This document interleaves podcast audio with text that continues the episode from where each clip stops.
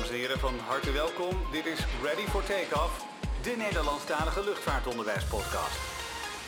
Welkom, inmiddels de derde aflevering van onze podcast Ready for Takeoff. We hebben weer het laatste nieuws op luchtvaartgebied. We gaan je proberen uit te leggen hoe een vliegtuig vliegt.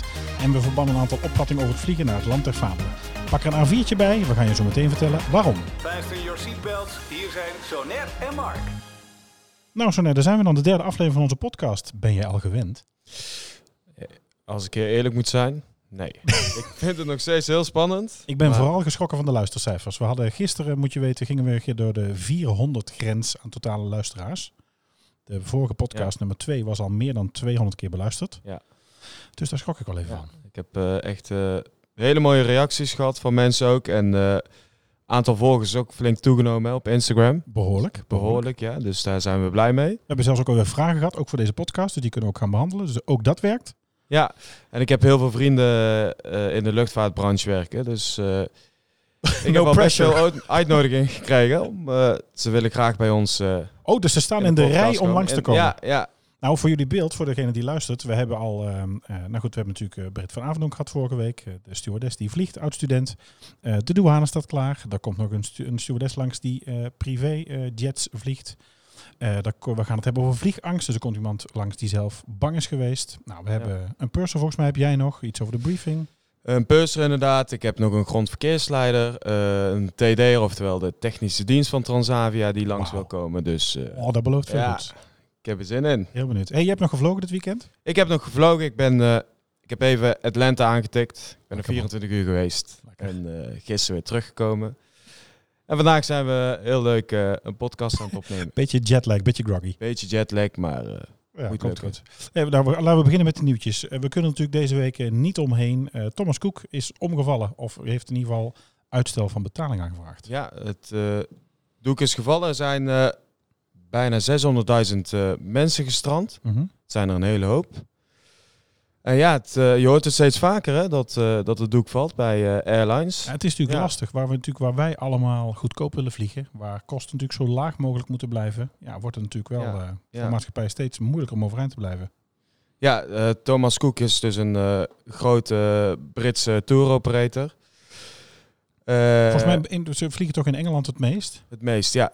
Ze hebben in Duitsland ook nog een airline vliegen, Condor. Condor, ja, Condor, ja. Condor. Maar die blijven nog wel doorvliegen, heb ik begrepen. Maar de vraag is hoe lang? Eh, ik las dat eh, Ja. Spanje zo'n beetje het grootste land waar ze naartoe vliegen, nou, naar de eilanden vooral. de Daar zitten nu ook de meeste mensen vast. Ja, ja, ja. Tussen de 25 en de 30.000 mensen zijn nu gestrand. een hele hoop. En eh 10.000 Nederlanders ongeveer. Nou, er was dus ook sprake van, eh, ze waren natuurlijk bezig met een soort reddingsplan. Of mensen hoefden zich geen zorgen te maken. Nu is het natuurlijk in Nederland zo geregeld dat je via garantiefonds reisgelden meestal je reisgeld terugkrijgt en ook nog naar huis wordt gehaald nu. Ja, Maar er stonden ook mensen op Schiphol die nog weg moesten. Maar ook Neckerman heeft nu eh, vluchten geannuleerd en ehm, mensen moeten of terug of kunnen niet meer weg. precies.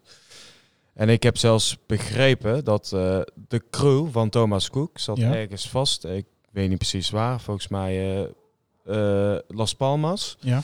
Eh, nee, ik zeg het fout.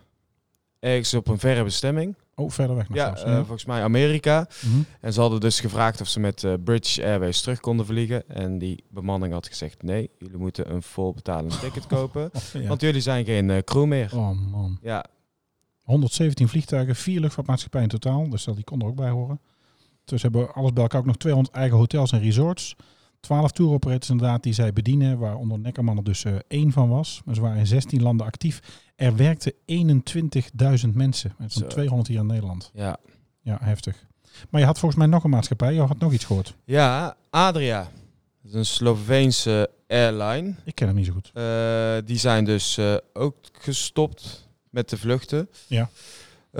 Ook vanwege geldproblemen. Er wordt dus eh, dinsdag en woensdag niet gevlogen. Dat is, eh, Ze staan aan de grond dus. Ze staan aan de grond. Ja. ja. Ja, dat is toch vervelend. Ze zijn niet vooral- heel groot, maar eh, ze bestaan wel al bijna 20 jaar. Ja, ik las volgens mij 20 jaar. Nou, ik las dat Thomas Cook. Ik denk dat typfoutje denk ik op de site van de NOS of dat zou ik na moeten zoeken, maar daar staat oprichtingsdatum 1841. Dat Ja. lijkt me wat sterk. Dat kan niet, want Want- volgens mij is KLM de oudste luchtvaartmaatschappij eh, van Nederland. En dit jaar 100. Ja, en dit jaar op 7 oktober. eh, Volgende maand. Ja, Opgericht eh 100 jaar geleden. ja. En ook als we nu gaan kijken, dat is eigenlijk een mooi bruggetje naar zometeen. We gaan kijken naar hoe een vliegtuig vliegt. En we lopen kort even met je door de geschiedenis van, eh, van de luchtvaart en wanneer we zijn begonnen met vliegen. Nou, dan hebben wij cijfers dat dat niet in 1841 was. Ja. Heb je nou ook een nieuwtje? Wil je ons ook iets laten weten of heb je een tip? Ehm, ja, dan kun je dat ons sturen. Precies. En waar kunnen de luisteraars ons vinden? Ze kunnen ons sowieso om te luisteren natuurlijk vinden in de favoriete podcast-app. We hebben nu in de luistercijfers gezien dat dat vooral op Overcast is en in eh, Apple Podcast. Spotify wordt er veruit het meeste gebruikt. Eh, daar kun je ons in ieder geval vinden. Reageren en ons iets sturen kan op Twitter, at take underscore ready. Of op Instagram, ready for takeoff pod. Dan kun je naar de website. We hebben een eigen website sinds gisteren weer helemaal eh, correct Ja. online. Of afgelopen week. summercollege.nl slash ready for takeoff. Daar is een reactieformulier. En je mag ons ook nog gewoon mailen. Dat is ready for takeoff at summercollege.nl. Zo. Zullen we dan nu eh, in het hoofdonderwerp duiken, Mark? Ja, ik wil nog wel even vragen dat als je onze podcast beluistert en je vindt het leuk, het duimpje omhoog voor de podcast is een beoordeling op Apple eh, Podcasts. Eh, dan ben je, ehm, nou, zijn we je zeer erkentelijk, vinden we hartstikke fijn. En daarmee wordt onze podcast vindbaar in de toekomst voor anderen en eh, ook voor jou. En dan gaan we beginnen. Yes, let's start. Ehm, nou, we hebben de lat al een beetje hoog gelegd. Je hebt al gehoord, we willen het vandaag gaan hebben over hoe vliegt een vliegtuig. Vorige week hadden we ons eerste interview en nu moeten we iets gaan uitleggen. Eh, iets wat wij normaal wel vaker doen, maar dan hebben we daar beeld bij. Dus het is best wel spannend, maar we gaan het toch gewoon eh, proberen. Dus Precies. Sonair, take it away. Ja, hoe vliegt nou een eh, vliegtuig? Het is eigenlijk eh, eenvoudige natuurkunde. Een vliegtuig wil vliegen en dat komt door het ontwerp. Bij dat ontwerp is gewoon goed gekeken naar vogels en de natuur. Ja, het is, ja, goed, daar gaan we natuurlijk straks naar kijken. Ja, Maar wat ik al zei, ik wil eerst eventjes kijken naar wat mythe en legende uit de, oudheid. Want vliegen eigenlijk als een vogel, dat houdt ons al eh, nou, heel lang bezig. Dat willen we Ja. al heel lang. Ja. Dat iets wat voorheen natuurlijk eh, voorbehouden was, dacht men aan goden en eh, andere magische schepsels. Ik heb eens even gekeken. Eros, de Griekse god van de liefde. Zijn Romeinse collega Cupido. Klassiek Ja. allemaal afgebeeld met, eh, met vleugels. Griekse legende van eh, Daedalus. Iedereen kent hem misschien met Icarus. Vader en zoon die vliegen hadden gemaakt, of een, eh, vleugels hadden gemaakt van veren en met was. En kwamen steeds dichter bij de zon en uiteindelijk smolten de vleugels. Weet je trouwens dat een mooie, jij zei net die, eh, wat voor maatschappij was dat, die Adria? Of die? Sloveense. Sloveense. Ik heb nog een Turkse maatschappij natuurlijk gevonden. Eh wees jij me trouwens ook op. Mooie verwijzing naar die oudheid en eh, vliegen is bijvoorbeeld de Turkse maatschappij, eh, maatschappij Pegasus. ja, oftewel Fly PGS. Een vliegend paard. Ja, Ja, inmiddels zit ook een gesloopte achtbaan in de, in de Efteling. vliegend paard. En ik kwam er nog een tegen, wist ik niet. Garuda Indonesia, een Indonesische maatschappij met de naamdrager Garuda. Garuda is de koning van de vogels uit de Thaise mythologie. Ja, je moet maar weten. ja, ik zie ze regelmatig staan op Schiphol. Maar, eh, leuk om te weten. Ja, en dat houdt ons natuurlijk eigenlijk nog steeds bezig. Als ik nu kijk met mijn kinderen. eh, vorige week, eh vorige, even kijken, twee weken terug, Disney Plus natuurlijk proefversie uitgekomen. Dus wij kijken weer volop hier naar Captain Marvel en Iron Man. En daar zijn natuurlijk ook mannen die vliegen. Ja. Nou, voor die oudheid en de geschiedenis van het vliegen, het duurde eigenlijk eh, via ornithopter, Chinese, Japanse vliegers, ballonnen, eh, tot aan kort zweven, eigenlijk tot aan de 19e eeuw voordat we echt konden gaan vliegen. En onder die uitvinders en avonturiers in die tijd was een hevige strijd wie het eerste de lucht in zou kunnen. Heel veel mislukte eigenlijk. Ja, dan zou je zeggen, dat is natuurlijk niet handig, dat is niet fijn, want ja, je wil dat het wel lukt. Anderzijds, bij die mislukkingen heeft de luchtvaart eigenlijk wel eh, voordeel gehad, want dan weet je ook wat niet werkt en wat je wel zou kunnen doen. Nou, begin 20e eeuw kwam er steeds meer het besef dat vliegen, dat je beschikking moest hebben over vleugels. Hè, wat je ook al zei, er werd gekeken naar vogels en ja, dat leek toch wel het handigst. Daarbij heb je natuurlijk een motor nodig om vooruit te komen en een besturing om richting te bepalen. Maar het allerbelangrijkste bij het vliegen, ja, dat zijn dus eigenlijk eh, de vleugels. Yes. Nou, hoe eh, werkt het vliegen dan? Je vliegt eh, met de vliegtuig in de lucht. Dat klinkt als een open deur en dat is ook zo. Lucht is- Inmiddels wel, ja. Ja, lucht is eh, namelijk iets. Steek je hand eh, buiten als je in een auto zit en er wordt tegen je hand gedrukt. Ja, dat zegt student ook altijd. Ja, ik leg dat ook altijd uit met de flaps. Mhm. Dat is een mooi voorbeeld. Of leg een pen op een ballon en, en alles valt op de grond. Blaas de ballon op, de lucht in de ballon draagt de pen. Ja. Nu zweeft een volgeladen A380. Dat is het grootste passagiersvliegtuig van we- waar weegt dat ding? eh 575 ki- eh, 1000 kilo. Vijf, vijf- meer dan vijf ton. Ja, meer dan 5 ton inderdaad. Om een eh, vliegtuig in de lucht te krijgen moeten twee krachten overwonnen worden. Eh, dat, zijn dus de, dat is dus de zwaartekracht en de luchtweerstand. Daar zijn weer twee andere krachten voor nodig. De opwaartse kracht, oftewel lift, en de voorwaartse kracht. Noemen we ook wel de stuwkracht. Ja, dus om die zwaartekracht en luchtweerstand op te heffen, gebruiken we twee andere krachten. En dat zijn de opwaartse kracht, lift, en de voorwaartse kracht, stuwkracht. Nou, die stuwkracht die wordt geproduceerd natuurlijk door motoren. Eigenlijk, nou ben ik natuurlijk geen techneut, maar kort door de bocht uitgelegd. De motoren ehm, worden gedreven door brandstof. Brandstof zit in de vleugels. Elektrisch opgestart. Vervolgens gaan ze eigenlijk lucht aanzuigen. Het zijn enorme stofzuigers. Die lucht wordt eh, in de motor gecomprimeerd. Die gaat dan voor een deel verwarmd de cabine in. En voor een deel hè, wordt daar natuurlijk de cabine mee op druk gehouden. En de andere, andere gedeelte gaat er aan de achterkant gecomprimeerd. En na explosie wordt er die uitgeperst, ja, perst, zullen we maar zeggen. Ja. En dat maakt dat wij dus ja, vervolgens luchtstroom hebben. En die luchtstroom, die snelheid, die gaat over en onder de vleugels door. Hè, die vleugels die zo belangrijk zijn. Ja. Door die vorm van die vleugels, een soort lange ellips, gaat die lucht onder de vleugel langzamer dan over de vleugels. En hierdoor staat er een opwaartse druk. En de vleugels wordt als het ware eigenlijk omhoog geduwd. Zo draagt hij dus ook in, in zekere zin eh, het vliegtuig en ook de kerosine die daar natuurlijk in zit. Er is natuurlijk niet voor niks dat die kerosine in die vleugels zit. Want door die luchtstroom gaan die vleugels omhoog en wordt dus die kerosine ook gedragen. Nou, doordat die luchtstroom onder de vleugels harder duwt dan erboven. Sterker nog, de luchtdeeltjes boven de vleugel worden uit elkaar getrokken en zuigen zeg maar zo'n beetje aan de bovenkant. Je krijgt een bijna een soort vacuüm. En dat is wat we dan in die natuurkunde de wet van Bernoulli noemen. Is een natuurkundig effect en, eh, uit de aerodynamica. En die beschrijft dat er als een toename is van snelheid in een vloeistof of een gas, nou in dit geval is dat dus de lucht, eh, gaat het gepaard met een verlaging van druk in die vloeistof of in het gas. Nou, door die verlaging van druk kunnen wij dus door de verhoging van opwaartse druk onder de vleugel kunnen wij vliegen. Ja, om eh, dit te kunnen snappen kun je het beste even een A4'tje bijpakken. Had ik al gevraagd in het begin, misschien ligt het al klaar bij sommigen. Ja, waarschijnlijk wel. Houd dit vel papier met de korte kant dicht onder de onderlip en blaas krachtig over het vel papier. Je zou denken dat het vel papier naar beneden blaast, maar dat is dus niet zo. Doordat de luchtdruk boven het papier afneemt, komt het vel papier omhoog. Bij een vliegtuigvleugel gaat het dus precies zo. Ja, dus je hebt Ja. sneller stromende lucht over de vleugel en daardoor ontstaat een soort vacuüm en verandert de druk. Precies. Doordat natuurlijk eigenlijk de zwaartekracht, hè, de zwaartekracht trekt aan het vel papier. Doordat je de lucht overheen blaast, komt die eh, omhoog. Ja. Ja.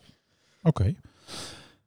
Ik hoop dat iedereen het volgt. Precies. We doen ons best, hè? Ja, we doen ons best. Nou, we weten dat de motoren ons voortstuwen. We weten dat de vleugels ons dragen. Maar dan moeten we natuurlijk weten hoe het vliegtuig stuurt. Want we hebben nu zo meteen het effect dat we, laten we zeggen, met een, eh, een- gangetje van eh, tussen de 3 en de 500 per uur over de baan kunnen schieten. Ja. Aan het eind weten we dan ook als we het vliegtuig ietsje optillen en dat er druk komt dat hij wil vliegen. Ik denk zelfs als je niet aan het stuur zou trekken en het is goed in balans, komt het vliegtuig uiteindelijk los van de baan door de snelheid. Maar wij willen ergens heen. Niet Ja, niet meer met Thomas Cook, maar we willen, wij willen naar Spanje.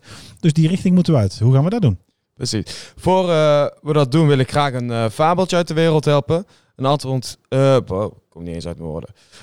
Jetlag, hè? Ja, dat geeft niet. Dat, Eh, antwoord geven. Precies. Eh, antwoord geven op een eh, door precies veel gestelde vraag. Veel mensen denken dat wij uit de lucht vallen als de motoren mee Ja, stoppen. dat vraagt iedereen. Als dat Dus- natuurlijk stopt, wat gebeurt er dan? Gaan we dan dood? Ja, ik geef dan altijd een zweefvliegtuig als voorbeeld. Ja. Die heeft ook geen motor. En die blijft ook zweven. Mhm. Datzelfde effect hebben we natuurlijk ook met de vliegtuig. Maar goed, het gewicht is natuurlijk wel anders. Ja, als je kijkt, ja. die A380, eh, v- eh, eh, 500 ton. Precies. Het is niet zomaar een vliegtuig. Eh, even kijken, als je goed hebt opgelet, bepaalt de vleugel of we vliegen of niet. Zolang Mhm. de hellingshoek van de vleugel goed blijft, zolang er eh, zeg maar lucht over, over en onder de vleugels zo'n blijven natuurlijk vliegen. We kunnen met de neus licht voorover nog zo ongeveer 150 tot 200 kilometer vliegen in afstand terwijl we langzaam zakken. Ja, het is dus niet zo dat als de motoren ermee stoppen, dat we dan ineens recht naar beneden vallen. Nee. Want doordat we dus luchtstroom houden over en onder de vleugels, dus wat er dan gebeurt is dat ze in de cockpit de neus iets naar beneden richten. Zodra je, dan blijf je dus snelheid houden. Dus je gaat wel langzaam zakken, maar niet in één keer. Maar door die luchtstroom worden we nog steeds eigenlijk een deel opgetild. Ja, inderdaad. Ik schrok er trouwens van. Ik wist dus niet dat je dus nog 150 tot 200 kilometer kunt vliegen. Ja, Ja, dat zijn nog wel wat eh, dat zijn Zonder grote motoren. afstanden.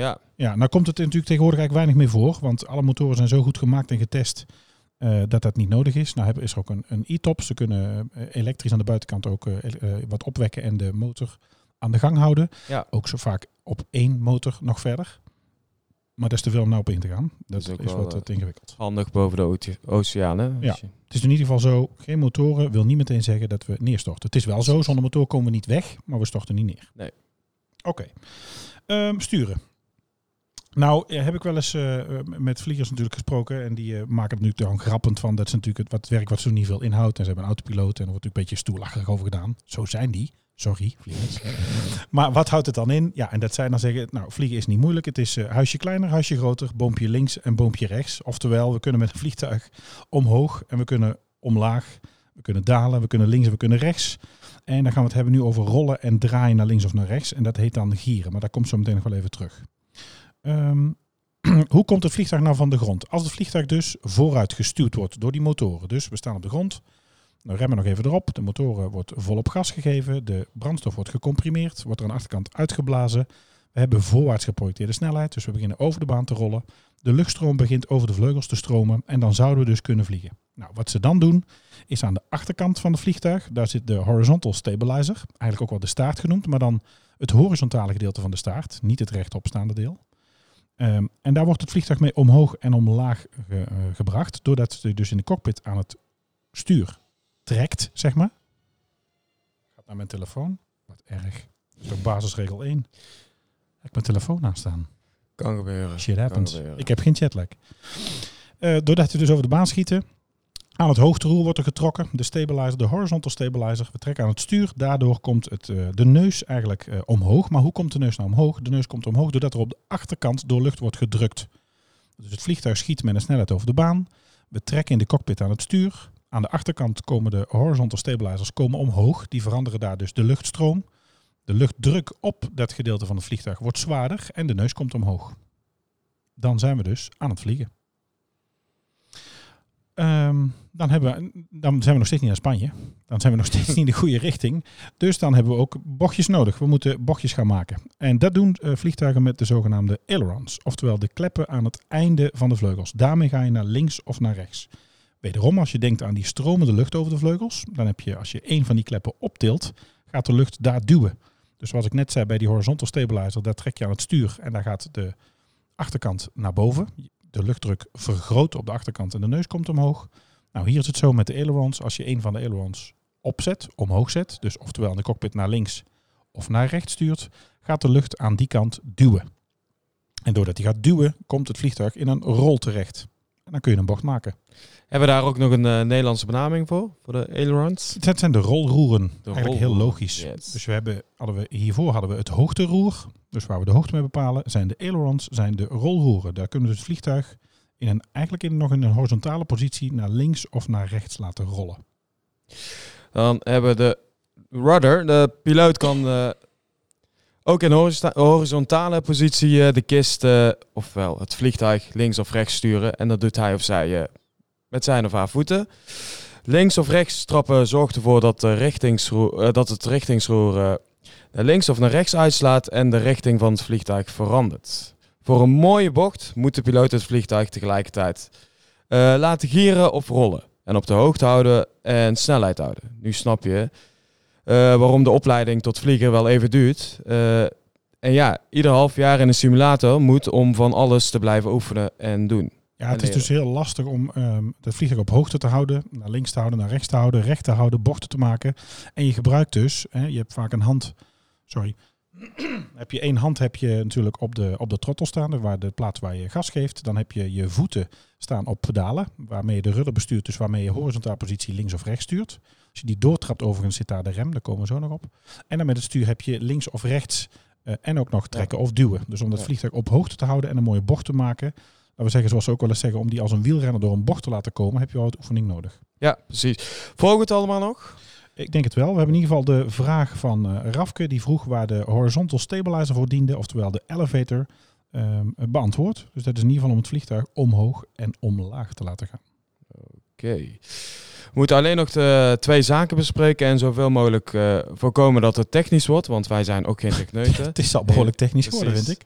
En jullie vast ook niet. Maar er zijn nog twee eh, beweegbare onderdelen essentieel zijn voor de besturing van het toestel. Namelijk de welvingskleppen, ofwel de flaps, en spoilers, ofwel eh, remkleppen. Ja, wat iedereen altijd natuurlijk, natuurlijk flaps noemt. Iedereen noemt natuurlijk heel vaak alles flaps, maar er zit wel verschil in in wat je op de vleugel ziet. Ehm, de, als jij eens uit wil leggen wat de flaps zijn, dan zal ik de spoilers proberen zo meteen. Helemaal mooi. We hebben het al gehad over de lift die een vliegtuig nodig heeft. Om die lift zo groot mogelijk te maken, wordt de vleugel bij start en bij de nadering vergroot door het uitschuiven van de flaps. Eh, dat hoor je ook als je in het vliegtuig zit. Ja. Je hoort echt dat ze die kleppen uitklappen. Ja, precies. Het zijn eigenlijk die grote stukken aan het achterste gedeelte van de vleugel, hè? Ja, precies. Ook de leading edge, de voorkant van de vleugel, schuift uit. Deze vergroting van de vleugel zorgt ervoor dat het vliegtuig maximaal omhoog wordt geduwd tijdens start en extra lift krijgt bij de lagere snelheid tijdens de landing. Ik zag volgens mij jouw vlog van eh, Edmonton, denk ik. Daar heb jij een ja. shot over de vleugel. En daar zie je dat op een gegeven moment de spoilers, dus aan de leading edge, de voorkant intrekt. Precies. En hij is ook nog eens versneld, dus dan kun je het ook beter Ja. zien. Eh, dan hebben we nog een aantal spoilers. Het is namelijk niet allemaal hetzelfde. Iedereen noemt dat het alles flaps. Nee, je hebt dus aan het uiteinde van die vleugels hadden we dus de ailerons, waar we dus mee rollen, links en rechts. Daarachter hebben we die flaps, dat is wat Sonia net aangeeft. Daarmee heb je dus een groter vlak. Kun je dus bij lagere snelheid eigenlijk blijven zweven. En ook afremmen. En dan echt remmen, dat doen we dan met spoilers. Spoilers helpen het vliegtuig namelijk bij landing tot stilstand te komen. Dat zijn die grote kleppen eh, die je bovenop omhoog ziet springen eigenlijk als, eh, als zodra het vliegtuig de grond raakt. Dat staat automatisch ingesteld, ga ik niet uitleggen. Maar deze verhogen eigenlijk dus de luchtweerstand van die vleugel en die heffen de lift op en duwt dus eigenlijk als het ware het vliegtuig tegen de grond en op zijn wielen. Heeft een aantal voordelen. De luchtweerstand wordt veranderd, dus je hebt meer tegenwind, hè, laten we het zeggen. Je wordt daarmee afgeremd. En het vliegtuig wordt ook op de baan geduwd, waardoor je dus slippen en glijden eventueel voorkomt bij een, eh, een natte baan. Eh, dat wil zeggen met als er wat sneeuw ligt, wat slush, slush puppy. Dan Ja. altijd slush, slush wordt dat genoemd. Wij noemen dat altijd slush puppy. Of als er eh, regen op staat, als je natuurlijk een natte baan hebt. Nou, samen met die remmen van het landingsgestel, wat ik al zei, die zitten onder de pedalen ook van het richtingsroer, of ook wel de rudder genoemd. En met de thrust reversers, de straalomkeerders in de motoren, wordt het vliegtuig afgeremd. Dus remmen gebeurt met die spoilers bovenop de vleugel. Dan kan de vlieger in de cockpit de tenen vooruit duwen, naar beneden trappen en dan stap je gewoon op de rem zoals je het bij een auto ook doet. Moet je wel een klein beetje gedoseerd doen, want anders dan wordt het daar heel erg heet en eh, kan er brand ontstaan. Ja. En dan hebben we nog thrust reversers, die dus de straal van de motor omdraaien. Dus in plaats van dat de brandstof wordt gecomprimeerd en er van achteruit blaast, wordt er aan de zijkant een klep opengeschoven. Dan zie je heel vaak dat je bij landing dat die hele motorgrondel, zoals dat ding heet, zodat die open gaat aan de zijkant. En dan blaast dus de lucht naar voren eruit. En daardoor komt het vliegtuig dus uiteindelijk eh, tot stilstand. Nou, ik heb dus eh, een keer een landing meegemaakt dat ze de flaps niet konden uitklappen. Helemaal niet. Helemaal niet. We, waren, we hingen dus... eh, eh, we zouden om eh, tien uur eh, landen, bij wijze van spreken. Ja. En het was tien over tien.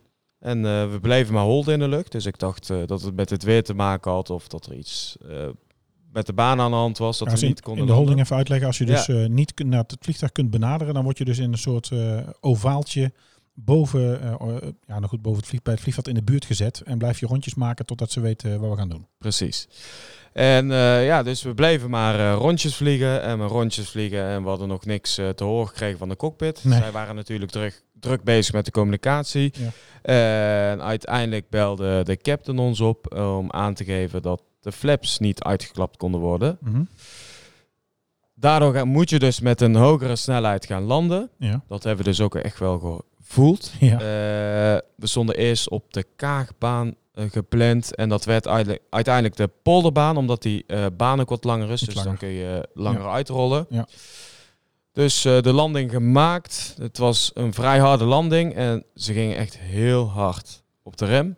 ja. Het moest ook wel, want je, je landt ook met een hoge snelheid. En de brandweer kwam ter plaatse om eh, de remmen te controleren. ja, omdat dat, Dat zo heet wordt. Ja, precies. Het wordt zo heet. Het- Ze moeten zo hard remmen dat, dat de remmen gewoon eh, eh, zo heet worden dat er brand kan ontstaan. Ja. Dus eh, zij kwamen ter plaatse, alles gecontroleerd. Uiteindelijk konden we door naar de gate. Dus gewoon taxi naar de gate. Ja, maar het, eh, ergens ook een geruststellende gedachte. Dus we Ja. weten nu eigenlijk al dat als de motoren uitvallen tijdens de vlucht, kunnen we nog steeds uitzweven, zeg maar. En dan gaat het ook nog steeds goed komen. En als iets van de flaps of de motoren niet helemaal goed is, kunnen we ook nog steeds landen. Een vliegtuig Inderdaad. blijft altijd Ja. wel te vliegen. Ja, oké. Nou, eigenlijk een korte recap. Dit was in, eh, nou, in bijna 20 minuutjes eh, hoe vliegt een vliegtuig. Ehm, we zien, hebben gezien dat eh, zwaartekracht en luchtweerstand aan het vliegtuig trekken en duwen. Luchtweerstand is ook wel drag genoemd. We hebben het gehad over de opwaartse druk, de lift, die dus onder de vleugels ontstaat, doordat daar lucht heel snel overheen en wat langzamer onderdoor stroomt. We hebben het gehad over thrust, stuwkracht. We hebben het gehad over stijgen en dalen. Dat we dat doen met de horizontal stabilizer aan de achterkant, de elevators. We kunnen rollen naar links en naar rechts met de ailerons. We kunnen van richting veranderen of gieren met het richtingsroer, met de rudder. Dat wordt met de voeten gedaan, achteraan de staart. We kunnen met de flaps de vleugels vergroten en daardoor de opwaartse druk vergroten. Dus dan kunnen we met langzamere snelheden, met minder snelheid kunnen we langzamer vliegen, blijven we toch nog in ieder geval vliegen. Spoilers dumpen de lift en drukken het vliegtuig op de grond. En met de remmen, en dus gewoon de remschijven en met de spoilers en thrust reversers kunnen we het vliegtuig uiteindelijk stilzetten. Jeetje, ik vond het heel wat. Ja, het is ook heel wat. Applaus voor Een vanzelf. applausje waard. Ja, ja, ja. Het is, eh, het is heel veel. We hopen toch dat je wel, eh, wel wat hebt geleerd en dat je er wat van hebt opgestoken. Ehm, laat dat ook gerust weten. Reageer op deze podcast en mail ons at readyfortakeoff.summercollege.nl of ga eventueel naar de site en vul daar het reageerformulier in. Dat kan namelijk ook. Dan ga je naar summercollege.nl slash readyfortakeoff. Nou, we reageren vooral ook als we ernaast zaten of als we iets niet goed hadden of als je een aanvulling hebt. Dan kunnen we dat in de volgende podcast weer eh, behandelen. En dan denk ik dat we het hierbij laten Precies. dan is het volgens mij eh, ingewikkeld eh, genoeg geweest. Heb ik het idee. Voor mij ook. Wat denk jij? Ik wil je bedanken voor het luisteren. Heb je ideeën of vragen en wil je reageren, dan kan dat via onze socials. Stuur je reactie naar @readyfortakeoffpod op Instagram, summercollege.nl as readyfortakeoff of mail ons gewoon. Zo nee, dat was hem. Tot volgende week. Tot volgende week. Dit was Ready for Takeoff. Denk aan je persoonlijke bezittingen, volg ons op onze socials, vergeet je niet te abonneren en tot de volgende keer.